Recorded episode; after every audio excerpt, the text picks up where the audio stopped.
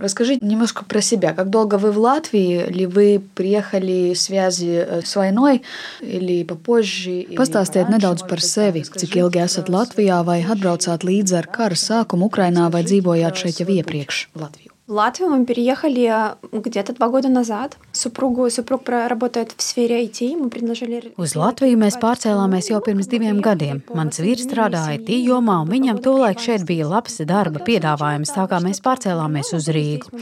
Kad sākās karš, mēs bijām šeit Rīgā, un man piezvanīja mamma ap septiņiem no rīta.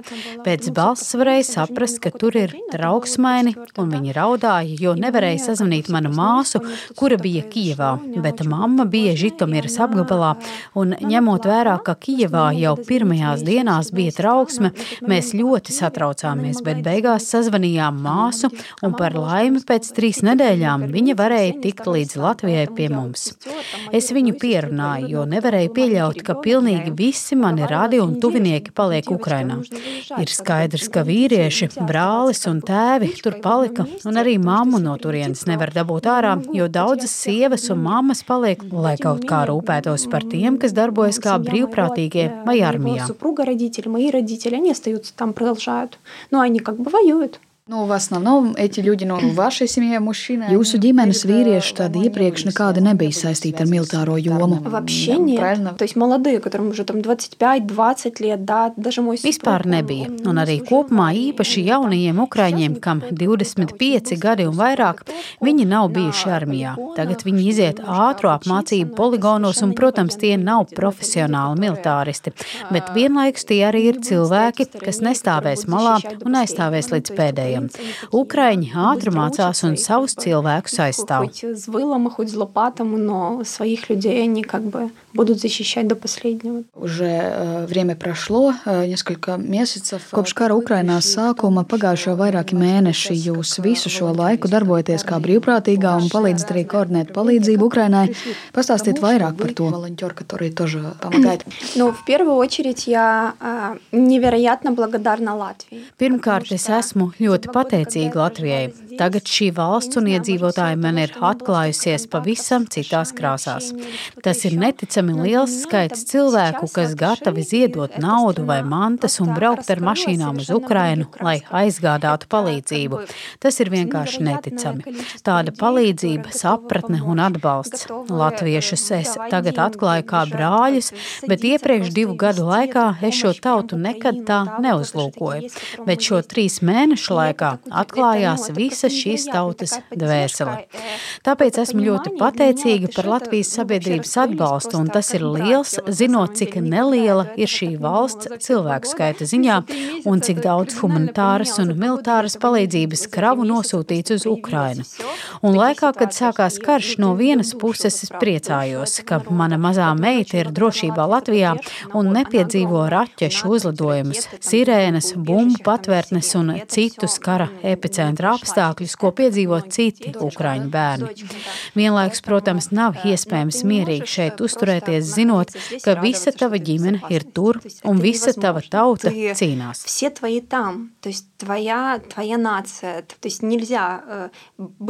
Vienlīdzība nav iespējama, un tad tu kā uzvilkts vienkārši sāc meklēt jebkādas iespējas, kā varētu viņiem palīdzēt no šejienes. Palīdzēt evakvēties vai tieši nodrošināties, lai būtu drošāk, jo pirmajā brīdī nekā nebija. Tagad visiem, kas dienē, ir ķīveres un bruņu vestes, bet sākumā bija haus. Un pirmajās dienās mēs ar vīru apbraukājām visus veikalus Rīgā, lai savāktu šīs lietas, jo mums tur teritoriālajā aizsardzībā ir tēvi, brāļi un draugi. Mēs ar viņiem bijām nepārtrauktā kontaktā, lai saprastu, kas pietrūkst. Piemēram, man ir draugs, kas piedalījās Gostumeļas aizstāvēšanā, un tagad viņš ir Ukrainas austrumos bet sākumā viņš pats sev nopirka bruņu vesti un ķiveri. Tie vīri, kam bija nauda, paši sevi nodrošināja, taču ir jāsaprot, ka tas ir ļoti dārgi pie mums, jo mūsu cilvēkiem vidējās algas ir salīdzinoši zemas, plus vēl šiem puišiem bija jāizved savas ģimenes no Ukrainas, jānodrošina viņiem kaut kāda nauda izdzīvošanai Polijā vai citur drošībā. Tas viss bija tādā hausā un tā palēnām es arī sāku iesaistīties šajā brīvprātīgajā darbā, un bija atgriezeniskā saite, lai arī es neesmu šeit vai tur kādās struktūrās, bet man ir šī tiešā saikne ar cilvēkiem Ukrainā. Pirmais brauciens, kurā es piedalījos, bija uz slimnīcu Žitomirā, kur nogādājām dažas medicīnas iekārtas. Mm. Я думаю, как люди могут найти вас. Kuras ir tās platformas, ar kurām jūs sadarbojaties, un kurās arī citi var iesaistīties ar kādiem ziedojumiem? Ну да, как? Если с точки zrīņa pažārtvaņa, to tas viss ir platformu ziedot. Mm. Es esmu strādājis ar ziedojumiem, kuras vāc ziedot.lv, kur atsevišķi vāc atbalstu Ukrainai.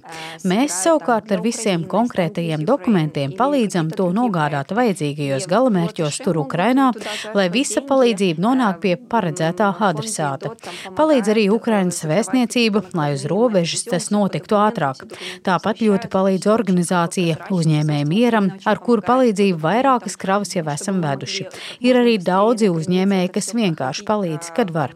Tieši nu pat mums bija pieprasījums no Ukrainas pēc rācijām tieši tām vienībām, kas turēja pozīcijas Luhanskā un zaudēja gan cilvēkus, gan tehniku. Tagad mēs no Šveices gaidām šīs latviešu uzņēmēju saziedotās desmit rācijas un varēsim nogādāt tieši šiem cilvēkiem Ukrainā. Es neesmu kādā konkrētā organizācijā, bet kā brīvprātīgā sadarbojos tur, kur tas ir nepieciešams. Piemēram, tagad esmu daļa no projekta M-Help. Tie ir Latvijas, Šveices IT kompānijas cilvēki, kas līdz šim darbojās medicīnas tehnoloģiju jomā tieši ar mākslīgā intelekta risinājumiem. Un šie cilvēki divos mēnešos izveidojuši šo platformu M-Help, kurā Ukrainas slimnīcas var reģistrēt savas vajadzības, un turpat reģistrējas arī dažādas Eiropas ziedošanas organizācijas, kas savukārt var palīdzēt. Tātad tā ir vieta, kur abas šīs puses var satikties. Vispār man liekas, ka palīdzības organizēšanā cilvēki kopumā ir ļoti saliedējušies šajā laikā, un tas ir svarīgi, jo tikai kopā mēs varam to izbeigt победить, потому что один в поле не воин. Действительно, один в поле не воин. Kā кажется, nu, эта помощь, она сейчас такая цельная. Kā jūs vērtējat, vai šobrīd šī palīdzība Ukrainas iedzīvotājiem no Latvijas tad ir jau tāda ļoti mērķēta, pateicoties šīm organizācijām un platformām, vai tomēr ir vēl kāds hauss šajā jomā? Но Украина нуждается много во всем, и причем это как-то все бесконечно. Ukrainai ir nepieciešama liela palīdzība, un tas šķiet nu jau arī bezgalīgi nepieciešams, jo, piemēram, arī tās ķiveres un bruņu vestes un citi līdzekļi visu laiku ir jāatjauno. Tas ir nebeidzams process. Tāpat kara apstākļos medikamenti visu laiku ir nepieciešami, un nemaz nerunājiet vēl par tiem cilvēkiem, kas dzīvo bez gaismas, ūdens un periodiski saņem kādu humanitāro palīdzību, bet tā ir nepieciešama nepieciešama nepārtraukti šajās vietās. Tāpat viss tas priekšlaicīgu dzemdību vilnis tur ir nepieciešams specifisks aprīkojums, lai varētu glābt šos jaundzimušos. Tā kā vajadzību ir ļoti daudz un visdažādākās, bet mēs cenšamies nogādāt tieši līdz konkrētajiem palīdzības pieprasītājiem, kas paraksta visus dokumentus, kurus mēs atgriežam te fondos. Mēs izvēlējāmies ceļu vest tieši palīdzības saņēmējiem, nevis kopējās noliktavās un centros не используя вот эти хабы или центры, где склады. Тогда, если мы говорим про то, в чем сейчас нуждается Украина, в какой Tātad pat labam ir nepieciešama visa veida palīdzība Ukrainai, vai tomēr izceļas kādas grupas, kas akūti parādās šajos palīdzības lūgumos, tur нужно все время. Рации нужны. Я знаю, что на э, очень нужны powerbanki постоянно, чтобы... Tas, ko es zinu, ka pietrūkst rācijas, kā arī ļoti vajadzīgas pārnēsājamās telefonu uzlādes baterijas. Šonadēļ bijām Ukrainas vēstniecībā, kur teica, ka pienācis arī pieprasījums pēc kādām garšvielām, proti ir arī šādi sīkumi, ko lūdz, ja var atsūtīt. Tāpat, protams, visi konservi un ēdiens, kas ilgi glabājas, ātri pagatavojums ir ļoti nepieciešams. Protams, lielākās problēmas ieilgstot karam ir ieroču un degvielas trūkums. Tāpat medikamenti trūksta bija arī vēl nesen augstēšanās periods, kad mani paziņas no militārās jomas minēja, minēja, ka aptiekās trūkst vienkārši deguna pilienu iesnām. Liels pieprasījums ir arī pēc enerģijas batoniņiem vai ātriem kafijas dzērieniem, lai nerimstošajos kara apstākļos saglabātu enerģiju. Tas gan nav pārāk veselīgi, bet kaut kā tā enerģija ir jāuztur. То есть это все во вред здоровью, но тем не менее им нужно как-то держаться. В плане помощи и общества. Bet kā jūs vērtējat, vai sabiedrības interese palīdzēt un arī vispārēja empātija joprojām turas augstā līmenī, vai arī ir novērojami kādi riski, kā ieilgstot šim karam, šis atbalsts un uzmanība tam vienkārši krītas? Этот уровень помощи держится. Да, я очень прекрасно понимаю, о чем вы говорите, но происходит привыкание во всем мире. Pieredums pie kara Ukrainā ir vērojams visā pasaulē, un tas sākās jau pirms mēneša. Tagad jau ir sācies tāds kā aizmiršanas etaps. Cilvēki ir noguruši, kaut kur ir karš, patstāvīgi ir vajadzīga palīdzība. Turklāt ir sākusies vasara. Bet tad jūs jau reāli redzat, ka tas ietekmē atbalsta kvalitāti? Да, это, это об этом говорили вот как раз фонды. У вас есть два фонда самых больших, там ziedot uzņēmumu mieram. Jā, un par to runā gan ziedot.lv, gan uzņēmēju mieram. Ziedojuma aktivitāte ir ļoti kritusies, un par to ir nemitīgi jāatgādina, jo visi ir noguruši, un visi ukraiņi to arī saprot, bet vienlaikus mūsu karavīri nevar atļauties nogurt ne mirkli. Piemēram, nu pat šonedēļ man Instagramā atbildēja meitene, ar kuru iepriekš komunicējām par iespēju vienai militārai vienībai nogādāt dronu, un mēs to tagad dabūjām. Bet viņa uzrakstīja, ka visa šī 20 cilvēku brigāde ir gājusi bojā, un mēs viņiem to dronu vairs nevaram nodot. Cilvēki turpina mirt karā Ukrainā un joprojām cer arī uz atbalstu no pasaules. Viņi cer, ka kādas sankcijas tiešām nostrādās un Putins apstāsies, un ka arī militārā palīdzība atnāks, lai šo neprātu varētu padzīt no Ukrainas. Un šiem cilvēkiem ir jāturas un nevar runāt par jebkādu pagurumu. Es saku, ka mēs visi šobrīd karojam, bet ne katrs var būt karavīrs. Katram ir sava loma šajā cīņā par vienu mērķi – par brīvību. Как бы мы, мы воюем заодно за, за свободу. Какие ваши самые такие большие? Kādas tieši ir jūsu lielākās cerības šobrīd?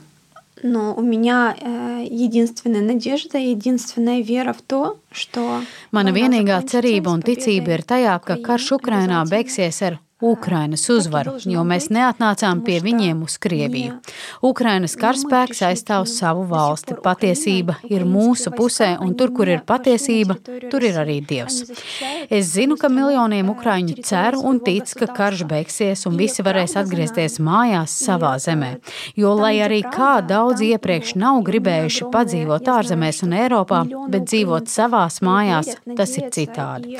Arī es to tagad izjūtu, cik vērtīgi ir dzīvot savā valstī, brīvībā un miera laikā.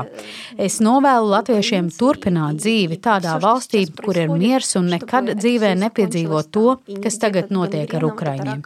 Un es ceru, ka šī Krievijas varas gangrēna apstāsies un neturpināsies Eiropā.